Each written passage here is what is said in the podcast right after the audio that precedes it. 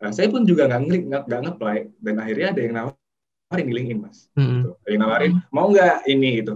Hmm. Gitu saya cek-cek, oh kok bidangnya kok finansial ya gitu. Itu di, di perusahaan Emang- sekarang berarti Mas ya? Iya, di perusahaan ya. sekarang. Hmm. Sebenarnya itu apa sih Mas tugasnya Mas? Kok bisa ada perlu HSE gitu di keuangan tuh seperti apa gitu Mas?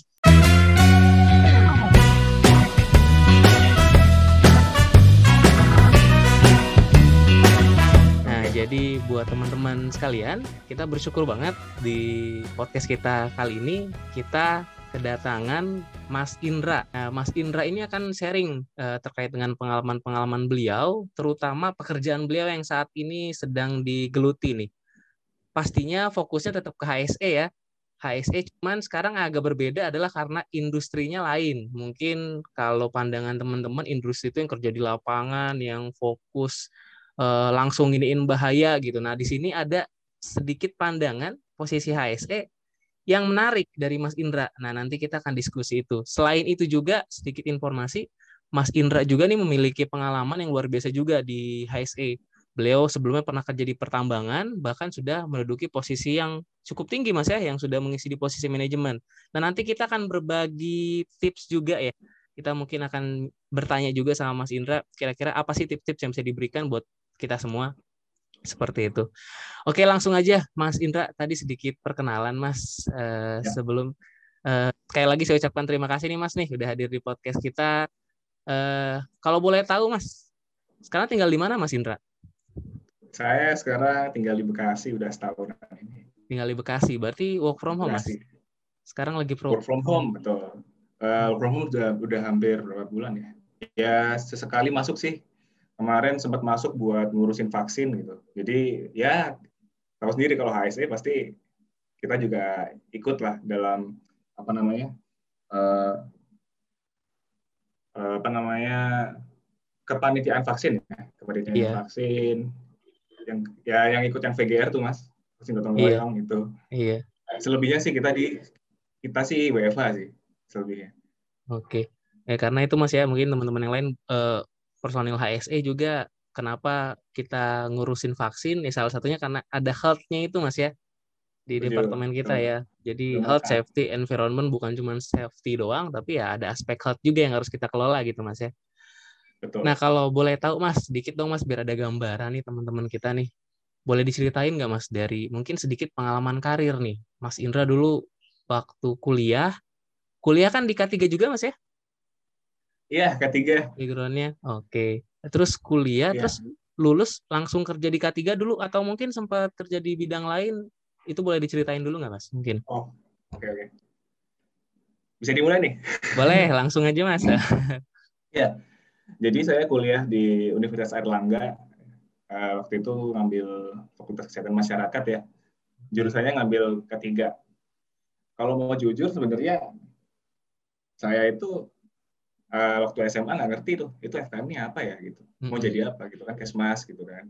Mm-mm. eh, sampai pada suatu hari itu eh, mantan pacar kakak saya waktu itu oh itu tuh di FKM gitu dibilang Eh, oh ini di yang yang teman-teman teman-teman gue kerjanya udah ini nih ada yang di Dubai ada yang di mana gitu nggak percaya kan kerja apa memang gitu ya udah saya iseng saya iseng buat apa namanya apply di situ di UNER tapi nggak nomor pertama nomor dua gitu. Yang pertamanya kalau nggak salah industri gitu. Habis itu yang yang kedua terima eh, begitu saya masuk ternyata memang alumnus alumnusnya eh, kerjanya kayak di sebangsa oil and gas kayak gitu gitulah Mm, oke.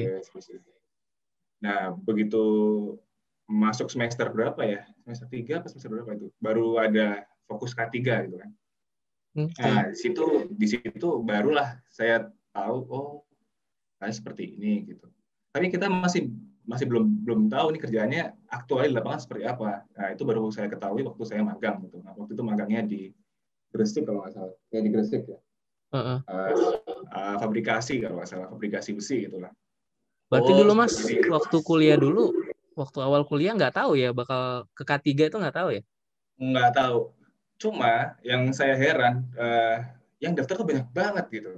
Ini Hmm. ngapain ya? Gitu. Yang daftar banyak banget. Kalau nggak salah kalau di Hmm. UNER tuh nomor dua setelah FK ya saat itu. Hmm. Oh, Waktu saya lulus itu nomor satu malah kalah FK. Gitu. Favorit ya berarti ya.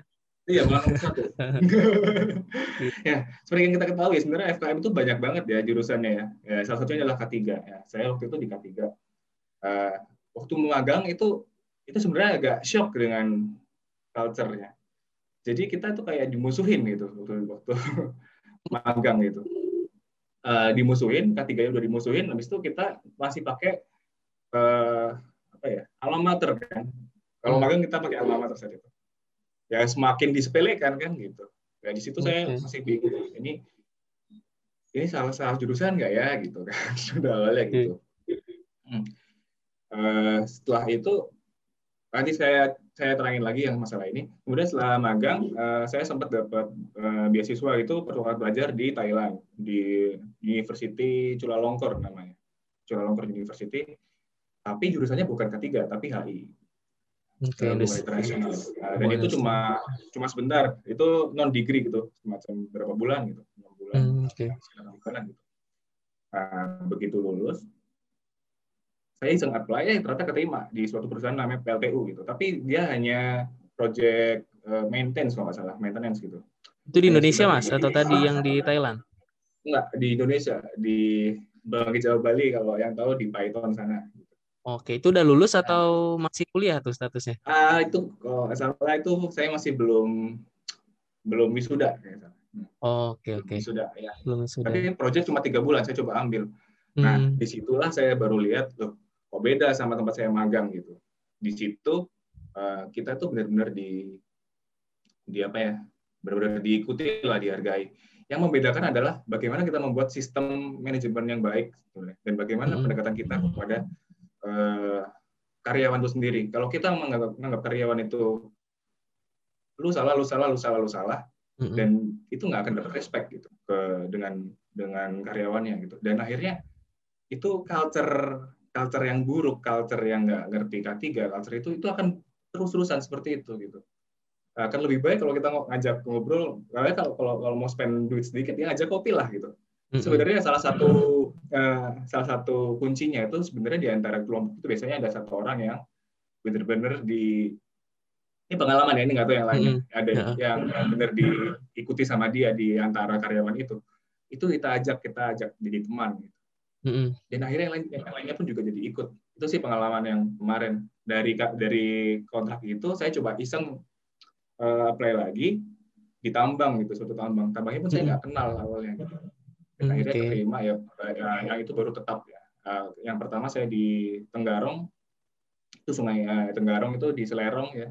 Mm-mm. itu saya dipindah di daerah Sungai Pinang Martapura Mm-mm. Eh, setelah itu ada rezeki pindah ke gold mining tujuh bukit Oke. di Banyuwangi kemudian pindah lagi ke KPC eh sebutnya sebut merek nih Nggak apa-apa mas. Kalau ini, uh, ya di Bengalonnya Uh-uh. ya di Bengalonnya setelah itu pindah lagi ke Tanjung Redep tambang di Tanjung Redep sana eh, Oke. Berau nah, pada saat saya di Berau saya menikah Mm-mm. saya menikah baru tuh saya kepikiran aduh ini gimana ya gitu itu akan Oke. dialami oleh semua orang gitu Setuju. ah. gimana ya itu sedangkan eh, calon istri saya saat itu yang sekarang jadi istri itu di bekerja di salah, satu- salah satu kementerian di Jakarta Eh, Hmm. yang yang ya itu apalagi di tempat saya waktu itu waktu di eh, Berau itu cutinya bukan yang roster ya bukan yang roster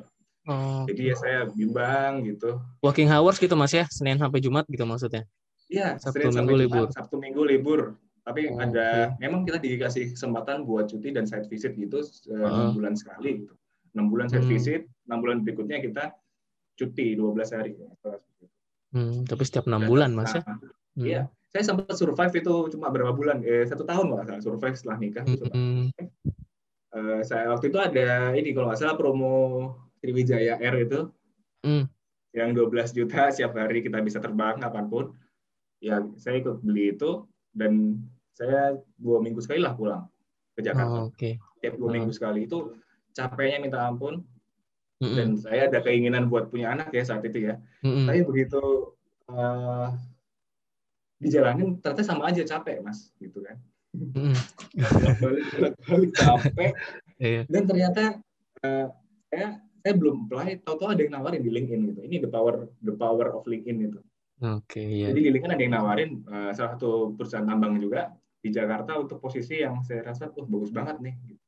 dan penempatannya juga oke Hmm. saya coba interview alhamdulillah lolos dan saya saya resign dari Brau itu pindah ke Jakarta tempatnya di Pondok Indah gitu Oke. di Pondok Indah nah sampai di Pondok Indah eh, kegalauan muncul lagi karena ternyata eh, lalu lintas Jakarta ini nggak seseper- nggak seperti di kampung saya di Surabaya. Oke. Ah, macet gitu. Sedangkan istri saya tuh di Jakarta Pusat. Eh, kalau mau berangkat bareng rumah kita di Bekasi bayangin aja gitu. Gimana sama aja capek gitu mas. Nah, saya pun juga nggak ngeklik nggak nge-apply. Dan akhirnya ada yang nawarin di LinkedIn mas. Mm-mm. gitu. ada yang nawarin mau nggak ini? Gitu. Saya nggak tahu ini ini apa? Ini perusahaan apa? Mm. gitu saya cek cek oh kok bidangnya kok finansial ya gitu Itu di, di perusahaan Emang- sekarang berarti Mas ya? Iya di pusat ya? sekarang Mm. Nah, eh, lokasinya di Jakarta Pusat lah di Jakarta Mm. Pusat nah ini dekat banget kalau sama kantor istri saya gitu. Hmm, Oke. saya coba interview di sana. Eh, terus dia bilang, oh standarnya ini dan kita memang eh, apa namanya, eh, memang menerapkan HSE juga. Tapi istilahnya bukan HSE, tapi ISS namanya, Environmental Social Safeguard istilahnya itu. Itu kalau Oke. di bidang financial services Nah, kayak gitu. Oke. Oh ya udah saya coba baca-baca, baca-baca.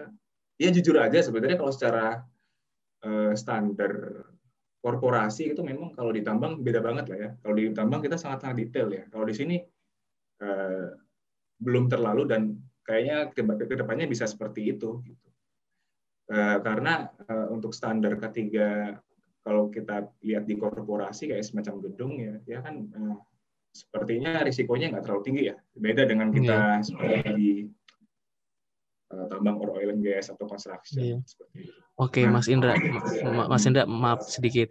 Berarti tadi kan Mas Indra mulai karir berarti dari PLTU dulu ya, proyek PLTU tadi sebelum lulus, terus udah Iya. dari itu fokus lebih lama sebenarnya di pertambangan tadi Mas ya?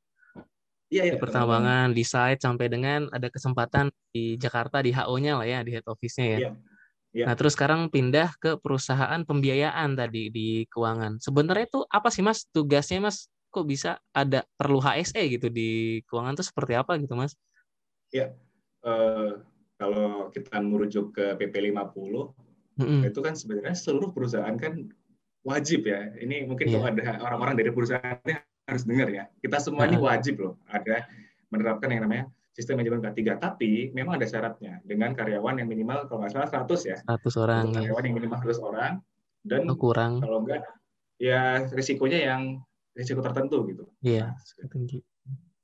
Tapi kalau perusahaan-perusahaan di Jakarta, ya mau itu di bidang asuransi, mau di bidang apa, itu saya yakin tuh atas 100 gitu. Dan dia tuh Mhm. harus sebenarnya gitu ya. Ini mau Iya. reminder aja ke semua perusahaan sebenarnya. Iya. Kalau yang di perusahaan saya memang pertama ya itu secara peraturan memang itu dibutuhkan ASC kan. Karena kita harus melaporkan ya kan tiap tiap tiga bulan sekali eh, Iya. harus adanya P2 K3 gitu dari situ. Itu secara korporasi. Yang menarik ini yang di luar korporasi sebenarnya Mm-mm. karena kita itu eh, ya, memberikan suatu pembiayaan atau pinjaman gitu ke sektor eh, ke perusahaan sektor-sektor yang eh, dianggap eh, bermanfaat bagi SDGs Sustainable Sustainability Development Goals gitu. Mm-mm. Uh, ada ada beberapa exclusion list untuk perusahaan-perusahaan yang tidak dapat kita biayai seperti uh, contohnya ya kayak senjata gitu kayak pabrik senjata gitu kita enggak tapi untuk yang lainnya gitu kalau yang kalau yang apa ini yang berdampak kepada lingkungan atau masyarakat itu kita tidak tidak uh, membiayai seperti itu. Itu ada exclusion list ada cukup banyak sih sebenarnya di pedoman gitu ya. Exclusion list gitu. Nah di perusahaan di luar uh, kerjaan di luar korporasi ini yang menarik. Karena kita uh, melakukan kajian sih setiap perusahaan. Ya kita kita ambil contoh ya. Jadi ada Mm-mm. perusahaan ini yang mengajukan suatu pembiayaan. Mm-mm. perusahaan ini apa aja apa aja sih? Bisa BUMN bisa BUMD bisa swasta bisa eh, pakai nama daerah pemerintahan seperti juga bisa gitu. Semuanya kita bisa biayai asalkan tidak masuk di dalam expression list. Ya. Itu kegiatannya. Nah, dari kegiatan itu yang ya apa? Dari eh, misalnya nih saya mau bangun misalnya apa ya? Eh, rumah sakit gitu. Nah, perusahaan ini mau bikin rumah sakit di sini gitu. Dia ajukan ke kita biayanya sekian gitu. Oke. Nah, tugasnya kita tim ISS adalah melakukan kajian, membuat kajian ke dia. Jadi kita minta dulu hmm. data-datanya dia. Nah, kajiannya itu apa aja? Ini saya ambil contoh dulu biar nggak salah ya. Jadi di, di ISS itu ada 10 prinsip. 10 hmm. prinsip. Uh, dari mana 10 prinsip, 10 prinsip ini? Itu kita ambil dari International Finance Corporation atau IFC, uh, subsidi uh, private financingnya World Bank gitu. Itu ada delapan standar, delapan prinsip. Ya kalau kita lihat di prinsip sama lah kayak SMKP, SMK 3 ya gitu. Mm-hmm. Kemudian ada tambahan dua prinsip yaitu uh, Green Climate Fund GFC gitu. Nah, prinsipnya itu apa aja sih, Mas? Itu ada hmm. 10. Yang pertama itu kita menilai pengelolaan risiko dan dampak lingkungannya gitu. Kita cek izin lingkungannya udah ada belum gitu. Uh, dari dokumen dulu deh, dokumen lingkungan dulu deh. Dia pakai apa sih? AMDAL, UPL, UPL, SPPL, Apa? Oke. Okay. gitu. Hmm. lingkungannya ada nggak? Kalau misalnya belum ada, ya berarti itu masuk akan masuk ke CAP atau Practice Action Plan seperti itu. Oke. Okay. Uh, kemudian yang kedua uh, adalah ketenaga kerjaan. Ketenaga kerjaan kita cek apakah dia ini karyawan ya simpelnya aja lah karyawan ini sudah di BPJS belum gitu. Mm-hmm. Sudah ikut BPJS belum seperti itu. Atau uh, masalah um, penggajiannya apakah sudah fair gitu sesuai dengan UMK seperti itu. Sampai sampai segitunya gitu di sini. Kemudian yang ketiga ada pencegahan dan pengurangan polusi. Gitu. Okay. Bagaimana dia mengelola limbah B3, bagaimana dia mengelola uh, eh, GRK, bagaimana dia mengukur emisi. Gitu. Kita itu harus ada di perusahaan itu. Kemudian artinya kalau pengelolaannya belum baik tadi, Mas. Artinya kalau pengelolaannya belum baik atau nggak sesuai standar yang ditetapin sama perusahaan Mas sekarang, artinya nggak dapat Mas ya pembiayaan ya? Ya itu bisa bisa menjadi uh, bahan untuk nggak dapat. Oke. Berarti Mas, sorry, kalau berarti bisa, kalau pun misalnya dia bilang nggak nggak ini, biasanya dia akan bilang gini, oke okay, kasih kasih saya waktu tenggat waktu sekian gitu, oke okay, kita hmm. tunggu dulu, gitu. dia memenuhinya. Oke, berarti Mas kalau bisa dibilang agak-agak mirip sama CSMS Mas ya, bener nggak Mas? Kalau CSMS ah, kan betul, uh, kayak perusahaan pemilik lahan ingin mempekerjakan hmm. kontraktor gitu ya, kalau di tambang ya. atau di oil and gas misalnya atau di konstruksi ada pemilik ya. lahan. Ya penjagaan kontraktor dia pengen lihat dulu kontraktornya itu memenuhi syarat nggak akhirnya adalah namanya kontraktor safety management system gitu ya jadi agak-agak ya. mirip kayak gitu mas ya agak-agak mirip dan CSMS-nya pun juga kadang terkadang kita juga review gitu jadi yeah. kadang-kadang kan sebuah perusahaan ini yang ngerjain siapa nih kontraktor hmm. A gitu lihat dulu dong dia punya nggak pedoman ketiganya kayak gitu hmm, oke okay. jadi kita sampai ke prinsip keempat ya jadi prinsip keempat itu -hmm. ada HSES keselamatan kerja, lingkungan dan keamanan. Di situ ada gitu. Oh. Nah di sini kita bisa kita bisa pelajari uh, dia mau nggak mau harus ada B2K3. Dia mau nggak mau ada uh, apa namanya pedoman manual. Mm. Emergency response plan itu juga, juga, juga harus ada kayak gitu. Mm. Nah, tapi kita cek dulu kalau memang dia perusahaannya cuma di bawah 100 dan tidak masuk kategori B2K3 ya kita nggak kita based on okay. peraturan yang berlaku gitu. Hmm, di nomor okay. 5 ada masalah pembebasan penduduk gitu. Ya, semuanya kita ada pembiayaan jalan tol, pembiayaan apa gitu. Hmm. Itu pembebasan penduduknya harus sudah clear agar tidak ada isu masyarakat di situ. Hmm, okay. Kemudian ada pelestarian kenegaragaman hayati, pengelolaan sumber daya alam. Nomor tujuhnya ada masyarakat adat dan masyarakat lokal. Kita nggak, nggak tidak mengganggu mereka seperti itu, tidak mengganggu habitat mereka. Kemudian ada warisan budaya. Hmm. Nah, seperti kasusnya di mana ya waktu itu ya di daerah Jogja ya dulu di koran saya pernah lihat itu dia temukan di waktu bikin rel kereta gitu dia menemukan suatu namanya warisan budaya gitu kayak artefak atau apa gitu. Nah itu kan sebenarnya kita harus serahkan ke pihak yang berwenang gitu mm-hmm. untuk untuk diteliti lebih lanjut dan kita simpan gitu. Nah khawatirnya kalau misalnya dia nggak ngerti masalah warisan budaya yang kalau ada pekerjaan excavation terutama penggalian itu kan ya buang aja hancur ya iya buang yeah, aja yeah. gitu kemudian yang yang ah, nomor sampai nomor 8 tadi sampai wawasan budaya tadi itu adalah standarnya IFC kemudian kita tambahkan lagi dua standarnya GCF GCF Green Climate Fund yaitu penghematan energi dan penggunaan energi ramah lingkungan. Oke. Dan nomor 10 adalah konsultasi dan mekanisme penanganan keluhan. Gitu. Jadi harapannya perusahaan itu tidak apa ya tutup tutup kuping lah kalau misalnya ada uh, sesuatu hal ya contoh aja kayak di tambang gitu. Misalnya ada yang membebaskan lahan, ada lahan warga yang kena gitu. Uh, jadi nggak bisa cuek gitu. Dia harus melakukan audiensi dengan si ini ya, ya itu dengan warga gitu. Hmm. Seperti itu sih Mas, ada 10 itu. Nah, itu yang menarik ya. Kita selalu bikin yang namanya kajian setiap ada proyek. Oke. Nah, ini menarik banget Mas ya. Ini karena mempengaruhi sama output nanti yang dihasilkan ya. Makanya benar-benar dari saat perencanaan, dari sebelum proyek jalan kan perlu pembiayaan tadi ya. Nah, sebelum iya. pembiayaan ya. aja udah dicek dulu tuh semuanya tuh ya. Baik dari segi safety-nya tadi, dari segi budaya, apalagi dari segi enviro Mas ya. Ya. Jadi saat nanti melakukan pekerjaan harapannya ya udah memenuhi kriteria tadi ya. Jadi memang ya, mungkin ke depannya ada sebagian ada sebagian mas, uh, mohon maaf saya potong, ada sebagian hmm. yang dia jalan dulu nggak apa-apa, tapi okay. untuk porsi-porsi yang penting, yang benar-benar esensial, dia harus siapin dulu. Hmm. Hmm, okay. izin lingkungan gitu kan, nggak mungkin dong kita melakukan pekerjaan. Oh sekarang bukan izin lingkungan ya, persetujuan lingkungan ya kalau yang di hmm.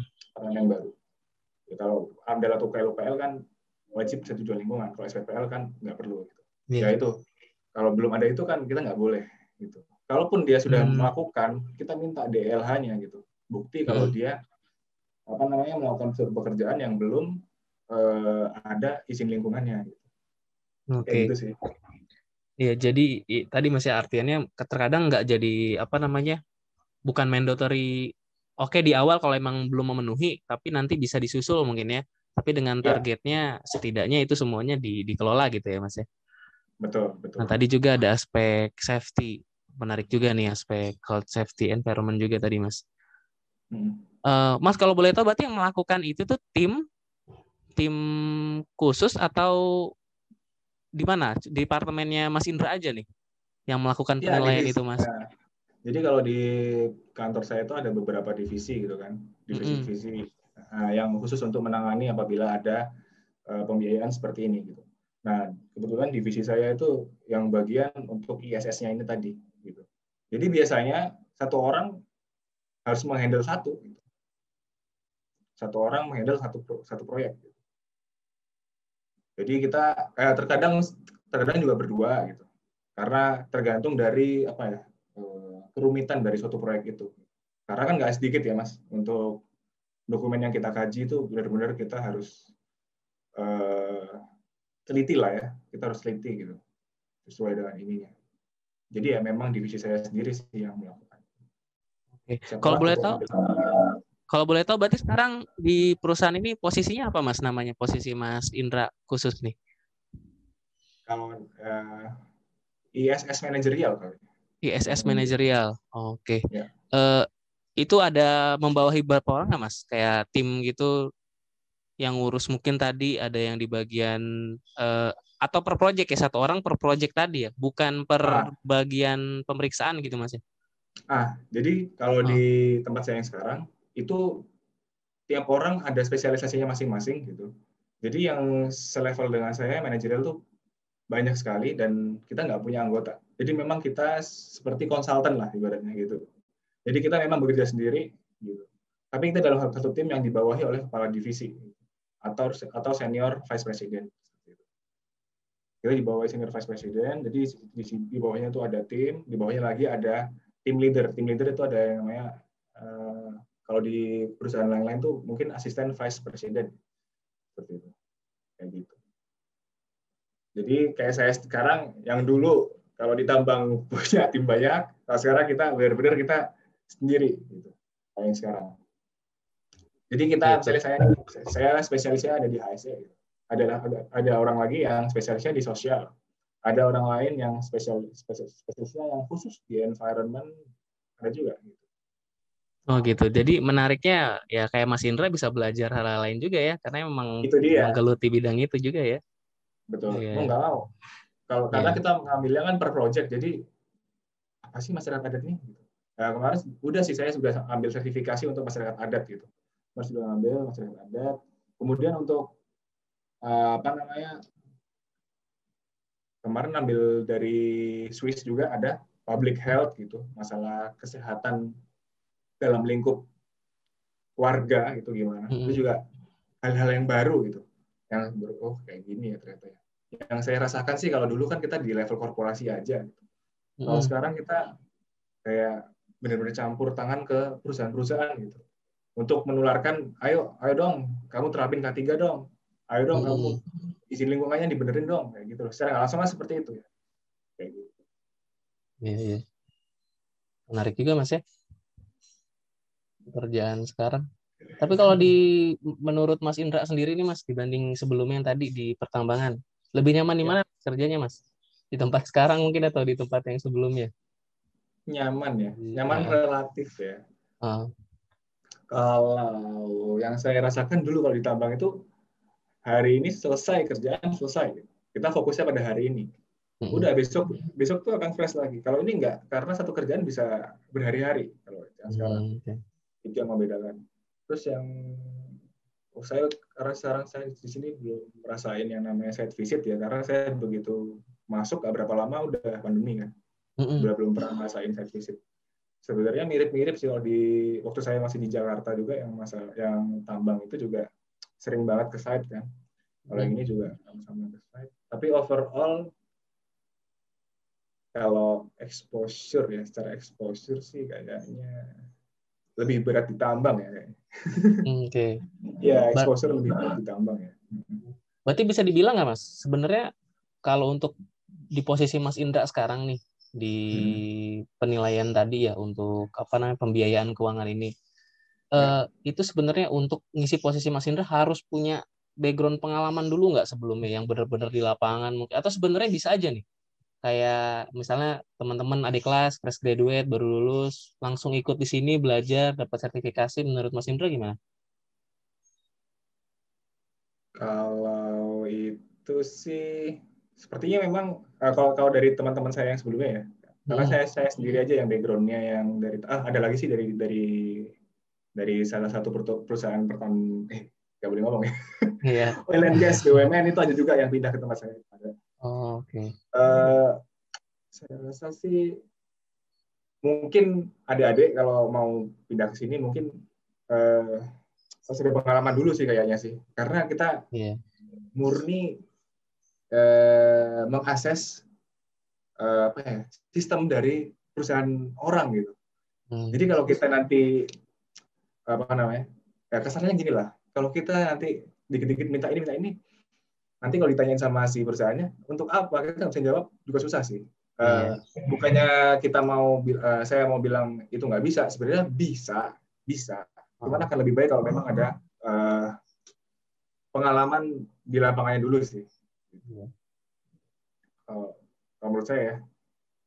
Mungkin malah ditanya balik, ini yang bentuknya kayak gimana Pak? Misalnya gitu ya sama iya. ini ya. Malah kita nggak sendiri nggak tahu padahal kita yang minta kita sendiri bentuknya nggak tahu itu ah, misalnya kayak gitu kan nah, banyak gitu challenge repot. seperti nah. itu kan banyak misalnya kita minta ini gitu hmm. kita minta apa ya prosedur ini dong gitu hmm. contohnya kayak gimana pak gitu kita nggak cuma minta ya kita juga hmm. asistensi gitu iya. kita kita juga membantu mereka gitu kita bukan yang seperti minta minta minta terus mm -hmm. jadi gitu kalau kayak gitu kan semuanya bisa ya iya hmm.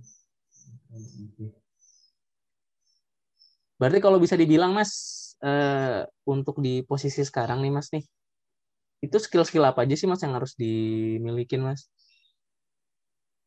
skill kalau mm -hmm. skill di luar HSE yang pertama itu yang pertama adalah ya komunikasi ya komunikasi okay. eh, kita harus meninggalkan ego kita juga karena kita pada saat uh, discuss dengan perwakilan perusahaan atau apa kan backgroundnya berbeda-beda gitu kita nggak akan tahu uh, kita harus punya cara tersendiri buat bagaimana uh, bagaimana menyampaikan ke dia bahwa ini harus dilaksanakan gitu. mm -hmm. kalau dari background HSE-nya ya sama lah seperti di tempat lain lah kalau misalnya mau ngambil ISO 45001 gitu itu juga bisa gitu. terus kayak ketiga umum gitu. Uh, mungkin Kalau lebih banyak ya. Uh, hmm? mungkin lebih banyak kalau di HSC-nya berarti lebih dipelajarin atau sertifikasiin ke sistem mas ya? Iya, kan mas sistem betul. mengaudit sistem tadi ya. Hmm. Betul, betul sistemnya. Terutama kita harus benar-benar paham yang namanya SMK 3 gitu. Karena kan Hmm. pedomannya mereka pasti kebanyakan SMK 3 gitu. Pasti Hmm. SMK 3. Eh, sesuai enggak ininya, prinsip-prinsipnya udah masuk enggak gitu. Dan dilaksanakan enggak yang terpenting ya dilaksanakan enggaknya ya gitu. Hmm. gitu. Nah, kadang-kadang ya banyak sih kita eh, bicara kalau misalnya pedomannya ada tapi pelaksananya nol gitu. Hmm. Kayak gitu sih. Sama ini sih kalau yang ketiga ini yang eh, backgroundnya ketiga itu jangan ini ya jangan isi gelasnya ketiga semua jangan Hmm, isilah sama lingkungan gitu karena Iya. minimal amdal lah itu harus tahu tuh amdal tuh karena mau nggak mau kita pasti lah nanti di, di kerjaan mungkin Mas Aldo di kantor yang sekarang masih sedikit-sedikit pasti akan eh, apa kan berurusan dengan berurusan dengan lingkungan kan Mas Iya. ya seperti itu itu sih masalah amdal itu juga ya amdal sih itu kalau bisa sih amdal itu Gitu. Saya- Artinya kalau jadi HSE tadi, k- karena benar mas, banyak juga mas orang kayak gitu mas. Jadi eh, pandangannya saya HSE lebih banyak saya orang safety gitu. Jadi yang dipelajarin, yang benar-benar dikelola, yang ditingkatin ilmunya ya ke safety aja. Padahal Iya. kalau kita bilang aspek enviro itu sama aspek health itu penting juga ya. Bahkan kalau kita lihat kebanyakan perizinan perundangan ngatur sebenarnya kebanyakan di di lingkungan mas ya, yang Setuju. ketat banget ya Iya. pembahasannya. Hmm. Dan itu saya alami pada saat saya kerja di perusahaan yang di Jakarta yang tambang Hmm. itu Hmm. laut itu juga eh, ya sudah berhadapan yang namanya pemerintah gitu. Kita Hmm. harus paham yang namanya perundang-undangan gitu. Kita harus paham yang namanya IPPKH izin pinjam pakai eh, kawasan hutan. Kita harus tahu yang mana yang area penggunaan lain, yang mana yang kawasan lindung, hutan lindung mana. Itu juga kita harus tahu. gitu. Eh, makanya sih saya saya selalu ingatkan ke adik kelas saya juga gitu. Saya selalu ingatin, kita jangan terlalu terpaku gitu dengan K3. Kita kalau ada peluang buat tambah ilmu di lingkungan, ambil aja gitu, nggak ada salahnya kok. Itu juga nanti berguna kok buat kalian. Berarti Mas, eh, ini tadi menarik ya Mas ya dari sharingan Mas Indra tadi ya. Dengan posisi yang sekarang, job desk-nya gitu. Nah menurut Mas Indra sendiri sebenarnya peluang sebagai personil HSE itu segimana luas sih Mas? sih? Karena saya juga baru tahu nih ada posisi seperti Mas Indra tuh punya eh, pengalaman lain atau mungkin pernah dapat info-info lain terkait ternyata ada loh posisi HSE juga yang di bergerak di perusahaan apa? Saya pernah dengar mas. Ada katanya di perusahaan asuransi. Jadi sebelum ada. memutuskan sebuah perusahaan itu tadi sama mungkin ini kan penyediaan ini ya pemberian investasi ya pinjaman tadi mungkin. Kalau ini untuk asuransinya di approve atau enggak nih kita perusahaan ini dapat asuransi atau enggak tuh ada HSE-nya juga. Sebenarnya seluas apa sih mas peran HSE itu mas peran HSE ya. Kalau saya pikir tuh eh, semakin semakin tahun tuh kayaknya HSE semakin dibutuhkan ya, Hmm. eh, semakin dibutuhkan. Eh, ya mungkin ada yang spesialisnya di lingkungan, ada yang spesialisnya murni di K3 gitu. Ya kalau kita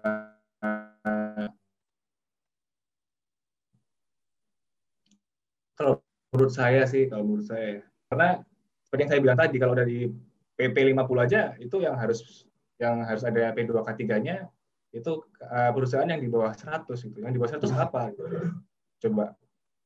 Akan jarang kalau walaupun kayak perusahaan kayak antar antar barang kemarin pun saya lihat tuh Hmm. kan karena saya juga ada eh, saya dulu pernah ngelamar di salah salah satu aplikasi semacam job street gitu gitulah tapi namanya apa ya lu itu nge-share ke saya itu ternyata ada juga perusahaan eh, mungkin antar antar antar barang itu Mm-mm. yang online online sekarang itu yang hijau-hijau itu itu juga lagi butuh loh yang hijau-hijau itu tahu kan mas Iya iya.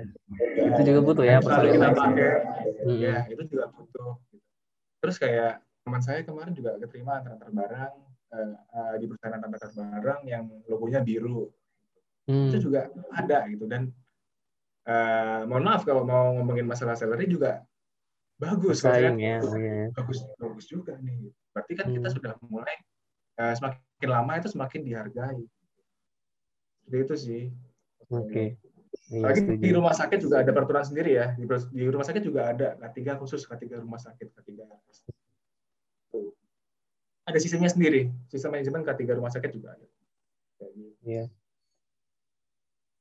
Jadi mas bukan cuman yang biasanya orang-orang kan taunya umumnya ya tadi ya yang berisiko tinggi yang di lapangan bahwa sebenarnya ada juga perusahaan-perusahaan jasa ya yang mungkin iya. resikonya ya. tidak terlalu tinggi tapi sekarang perusahaan sudah mulai sadar mas ya karena tadi regulasi tadi selain Betul. satu sisi juga mereka semakin paham perlunya HSE satu sisi juga regulasi kan mendukung bahwa perusahaan-perusahaan tadi di atas 100 atau 100 atau kurang dari 100 tapi resikonya tinggi itu juga perlu HSE gitu Mas ya. Betul. Eh, nah Mas Indra sedikit tadi menarik nih Mas Indra nih. Mas Indra bilang tadi dari pengalamannya dari awal karir tadi pindah perusahaan beberapa perusahaan tadi Mas ya itu menariknya tadi yang saya highlight adalah Mas Indra tuh nggak ngelamar, malah dipanggil, di, di dipanggil karena LinkedIn tadi. Nah itu iya, gimana iya, iya. Mas caranya Mas bisa dipanggil seperti itu? Apa mungkin tipsnya buat teman-teman ini? Okay. Uh. Total total saya tiga tiga pekerjaan terakhir saya itu LinkedIn loh Mas. Yeah. Tiga pekerjaan terakhir saya itu dari LinkedIn. Uh, ya jadi yang pertama sih uh, yang belum punya LinkedIn nih, bikinlah LinkedIn yang pertama. Uh, terus kalau kalian bisa menghias Instagram sebagus itu, masa sih nggak bisa ngehias LinkedIn sebagus Instagram dengan catatan. Jadi dengan catatan yang kita share itu memang relevan dengan uh, apa, ya, apa ya lingkungan LinkedIn itu sendiri. Kalau LinkedIn, LinkedIn kan memang uh, sosial media untuk profesional ya. Kalau mm-hmm. kita bisa bilang sih kayak apa ya? Kayak jalur pencari kerja juga ya. Yeah. Ya silaturahmi ya, ajang silaturahmi antar profesional-profesional atau karyawan-karyawan di seluruh dunia gitu. Ya, kamu bisa self branding lah di situ. Self branding sebaik mungkin. Ini kayak kayak Mas Aldo ini ini kemudian kemudian hari ini pasti akan banyak yang nawarin Mas Aldo dengan adanya dengan adanya apa inisiatif inisiatif seperti ini share di, di LinkedIn, itu akan melihat bahwa oh anak ini bagus banget ya masalah apa namanya sharing-sharing masalah HSE-nya dan di luar lagi, di luar korporasi lagi seperti itu. Kalau kalian punya paper masalah HSE, ada apa namanya? Oh hilang mas. paper masalah HSE. Uh, eh, pokoknya intinya gini, kolom-kolom yang ada di LinkedIn sebisa mungkin diisi deh. Sebisa mungkin diisi deh isi semua yang jujur ya, jangan yang bohong-bohong ya. Gitu. Uh, dan yang berikutnya, uh, sebenarnya saya juga nggak terlalu rajin-rajin amat ya LinkedIn ya, nggak terlalu ini. Yang penting kalau misalnya kita ada update sesuatu, masalah pekerjaan kita, update aja sih di situ. Uh, dan juga uh, saran saya juga jangan cuma nama perusahaannya apa, sampai kapan, sampai kapan, tapi kasih tahu uh, adik-adik ini kerjanya ngapain sih gitu. Itu karena rekruter biasanya ngeliatnya dari situ aja, dari summary-nya kan. Kita nggak mungkin dong lihat dari seluruhnya. Dari summary-nya aja gitu. Oh, ini cocok cocok apa enggak nanti kita barulah dimintain CV sama dia. Kayak kemarin kemarin sih dia lihat dari profil saya, kemudian minta CV-nya, ya udah.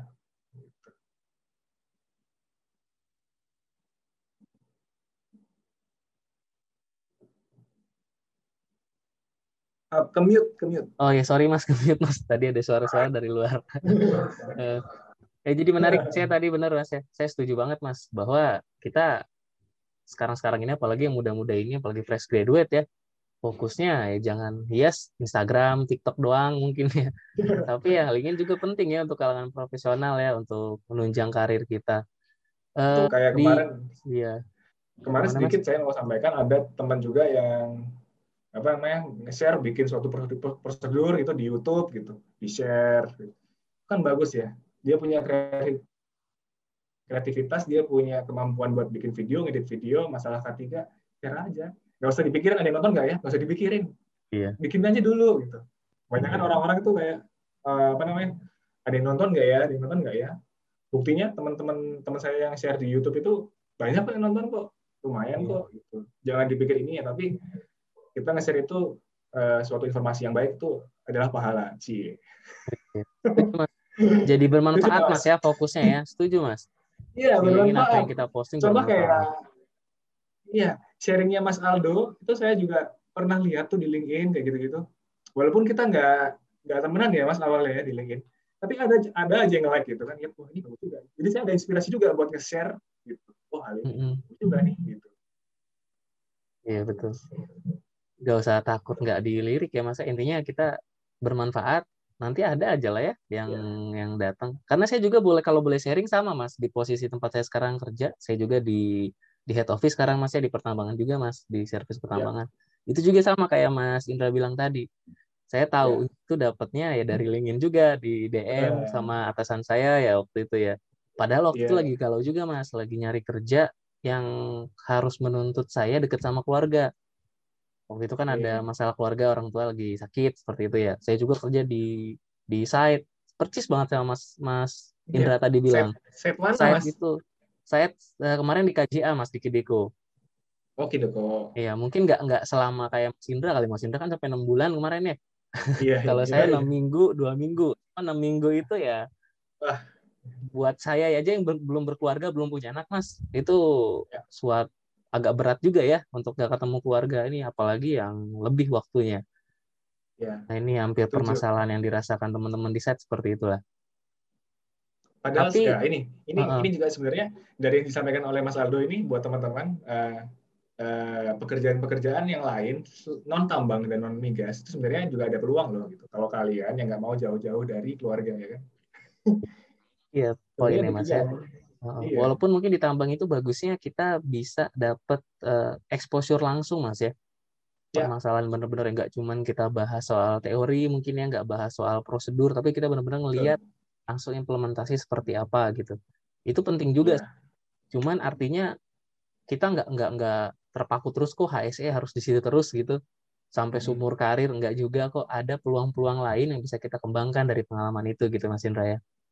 Ya, kalau teman-teman masih pengen ditambang silakan nggak apa-apa. Tapi kan nanti kalau udah keluarga uh, bisalah bikin timeline gitu. Oh saya mau ditambang sampai berapa lama nih? Mau di pedalaman sampai kapan nih? Gitu. Jadi nggak usah takut buat menurut saya uh, nggak dapat kerjaan gitu. Tetap aja coba cari-cari pekerjaan lain di Jakarta banyak kok gitu yang mau menghargai ASE juga banyak kok. Iya. Nah sedikit lagi Mas, boleh sharing lagi ya Mas? Tadi kalau saya lihat nih Mas Indra juga menarik juga jenjang karir tuh bagus banget nih kalau nggak dari Mas Indra nih. Bisa kita lihat cepet lah ya. Yeah, Dulu yeah. mulai karir kan nggak tiba-tiba langsung tinggi gitu nggak Mas ya? Dulu dari Enggak. mulai officer dulu Mas ya. Biasanya yeah, kan kalau lulusan uh, kuliahan kalau, gitu. Antara malah itu dulu ya. saya di PLTU tuh malah inspektor malah. Jadi oh. yang bagian keliling-keliling tuh loh. Keliling ya. Kayak safety man lah ya, dibilang safety man, yeah, safety yeah, patrol kayak gitu lah ya. Iya, iya, iya, seperti itu yang kerjanya cuma di satu lantai doang. Bayangin yeah. aja dulu kalau nggak salah lantai 8 tuh saya doang. Jadi setiap lantai tuh ada safety patrolnya dan saya salah satunya gitu. Dari okay. suatu dari organisasi yang sangat besar, saya yang paling bawah tuh. Kayak gitu. Dulu. Nah, itu gimana Mas bisa cepet gitu? Itu emang personel HSC udah hal yang lumrah Mas untuk bisa dapat karir baru misalnya baru belum setahun udah pindah nih dari safety inspector tadi langsung jadi IS officer naik lagi. Menurut Mas Indra seperti apa? Ini kalau dari lingkungan saya di tambang sih Mas, itu banyak banget sih yang kayak gitu. Hmm. Banyak banget sih yang kayak gitu. Uh, sebenarnya bukan hanya karena kita harus pinter, kita harus pinter komunikasi, enggak. Kesempatan, Mas. Iya, karena kita ada ya. kesempatan. Terkadang kita uh, sudah kerja dengan baik, sudah apa namanya, ya apa namanya apa yang disuruh oleh bos kita sudah lakukan dengan baik komunikasinya sudah baik tapi kok nggak naik naik ya gitu hmm. mungkin kesempatannya aja yang nggak ada gitu bahkan saya pernah tahu waktu saya masih di Berau itu ada teman saya yang umurnya di bawah saya udah manajer hmm, okay.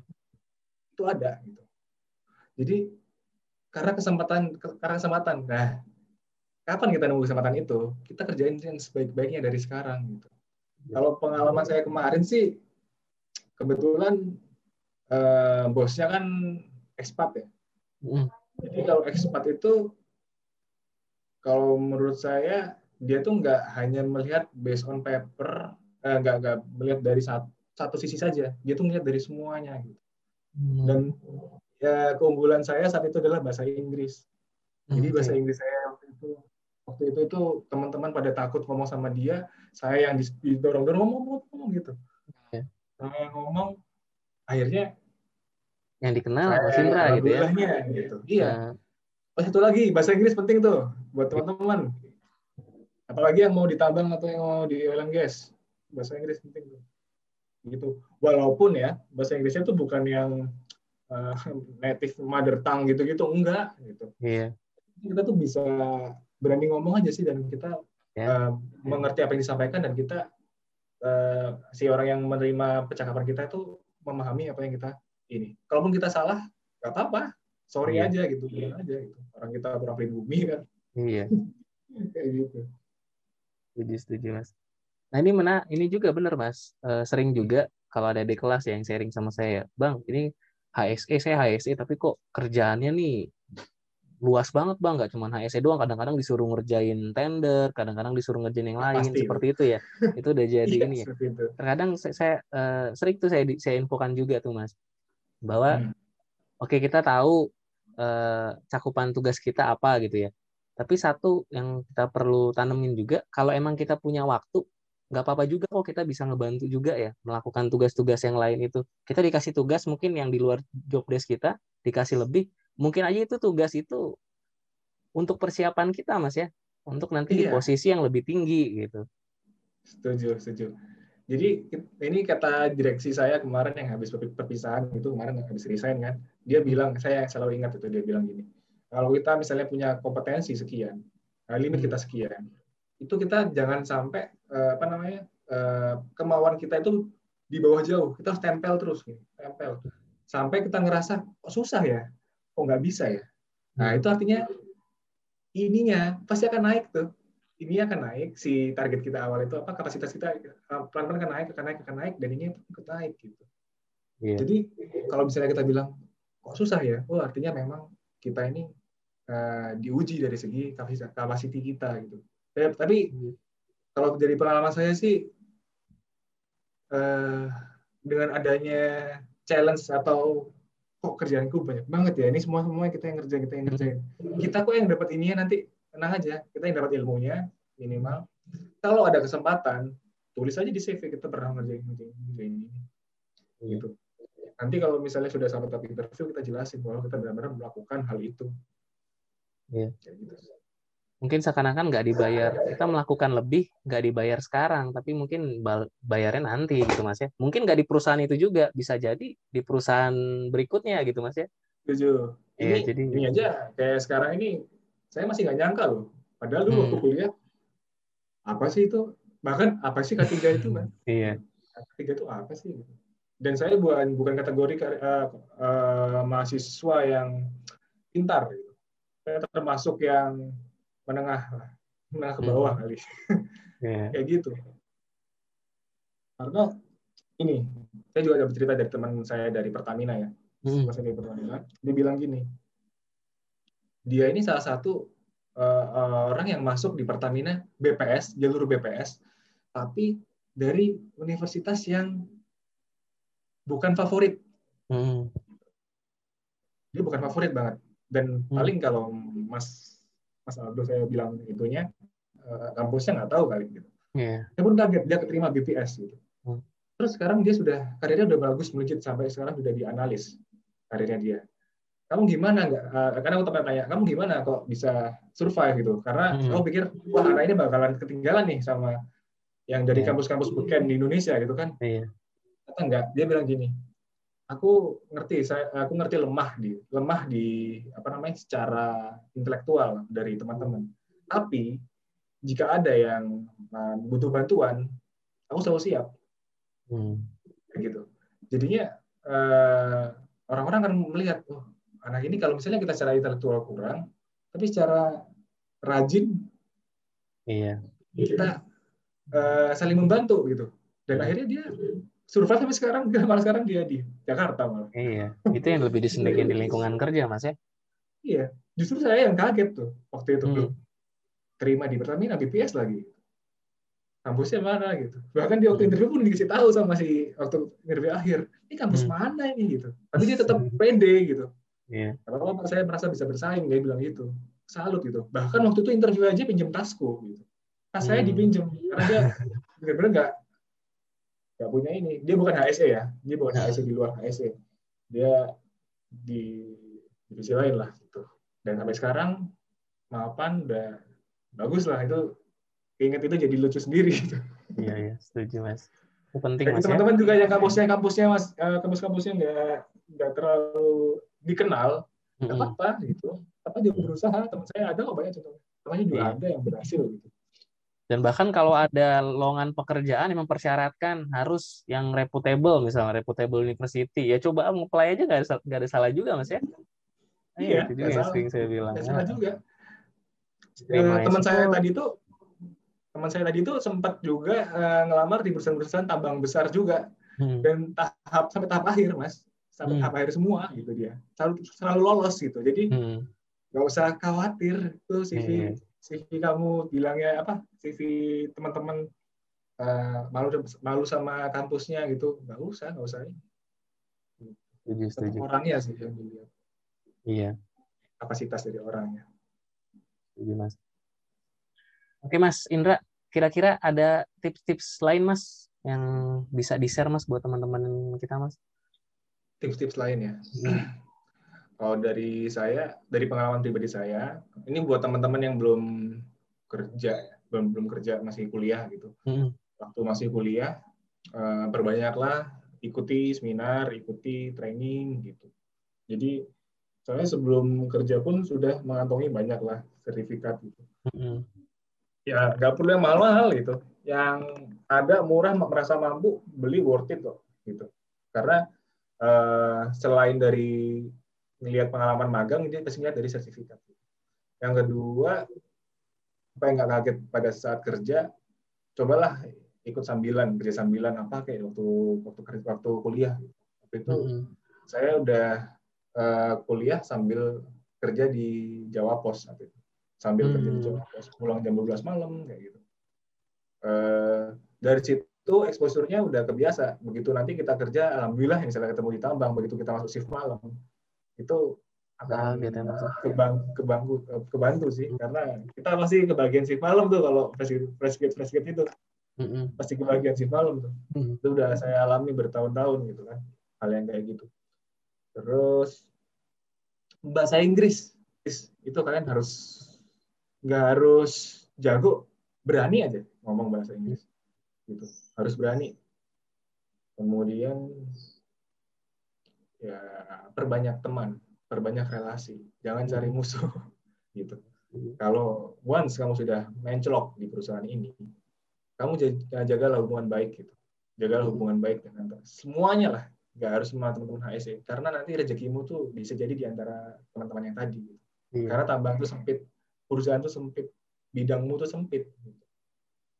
Nanti kalau misalnya udah sampai sana, kita kirim CV, si SR-nya kebetulan ketemu temen lo itu, temen tadi, ah ini anaknya nggak asik nih, dia suka ini baperan, gitu. Nah, iya. gitu. Nah, iya. gitu sih. Mentok udah di situ jadinya masa. Iya, gitu. Terutama yang ditambang ya, itu benar-benar sempit tuh, itu sempit banget. Paling itu sih uh, standar ya karena pengalaman saya sih gitu sih Mas Aldo iya. perbanyak perbanyak uh, tingkatkan kapasitas diri lah. Iya, apa yang ada di kampus tambah lagi apa gitu. Yang iya. buat kalau cita-citanya pengen ke tambang udah dari sekarang baca itu SMKP baca baca uh, masalah-masalah uh, minta ke kelasnya PPT PPT hmm. mungkin dari materi induction aja. Biar tahu ini tuh apa sih dari apalagi sekarang gitu. mas. Iya apalagi sekarang enak banget kalau zaman dulu kita mungkin ya sebelum pandemi ini kita nyari training itu susah bahkan perlu bayar mas ya. Sekarang kan webinar udah banyak iya, banget iya, iya gratis iya, ya. Tinggal cari aja iya, di iya. Google iya. ya. Cari training Betul. apa nanti ada tuh muncul-muncul tuh. Mau ada webinar-webinar apa yang dari yang gratis sampai yang harganya mungkin masih terjangkau lima puluh ribu udah dapat sertifikat gitu ya. Ini sih yang harus ya, dimanfaatin. setuju. setuju banget mas. Hmm, dan menarik juga mungkin saya tambahin dari Mas Indra dari Mas Indra juga nih sebenarnya sharingannya tadi ya. Bahwa kita sebagai personil HSE juga peluangnya banyak ya Mas ya. Jadi mungkin uh, ada satu kondisi tadi kita nggak nyaman di site lagi misalnya perlu ada di keluarga atau tadi memungkinkan kerja harus bareng keluarga bahwa di HSE pun membuka juga Mas ya sebenarnya ya untuk ya, posisi-posisi ya, tadi uh, luas lah kita nggak cuma di industri-industri yang kita kenal aja terkadang di industri lain juga perlu juga tuh HSE ya. Betul. Gitu. Dan tadi yang penting juga LinkedIn, jual diri tadi Mas ya. Jual diri, jual diri. bagus ya. iya. Kalian bisa ekspresi di TikTok atau Instagram, di LinkedIn masa nggak bisa gitu. Iya, itu dia. Gunakanlah platform itu untuk uh, meningkatkan kapasitas dan biar tadi biar dikenal sama orang, punya koneksi, ya. akhirnya kesempatan kerja juga lebih besar gitu Mas ya. Setuju. Oke, Betul. siap. Oke, terima kasih banyak nih Mas Indra buat sharingannya nih. Sangat Sama-sama, bermanfaat mas. banget Mas. Kita jadi tahu nih Mas, kira-kira peluang-peluang lain apa dari terkait dengan HSE, dari pengalaman Mas Indra juga yang sangat bermanfaat pastinya buat teman-teman, terutama yang masih fresh graduate atau yang mulai karir Mas sebagai seorang HSE Mas. Iya. Uh, nanti teman-teman jika ada yang pengen kenal lebih dekat atau nanti ingin bertanya-tanya mungkin Mas ya, kalau lagi ada iya. waktu ya. nanti boleh saya sertakan juga ya untuk uh, link dari LinkedIn-nya Mas. Mungkin nanti ada boleh, yang boleh. koneksi nanti bisa uh, langsung ke Mas Mas Indra. Nanti ada di boleh. deskripsi ya linknya ya. Boleh.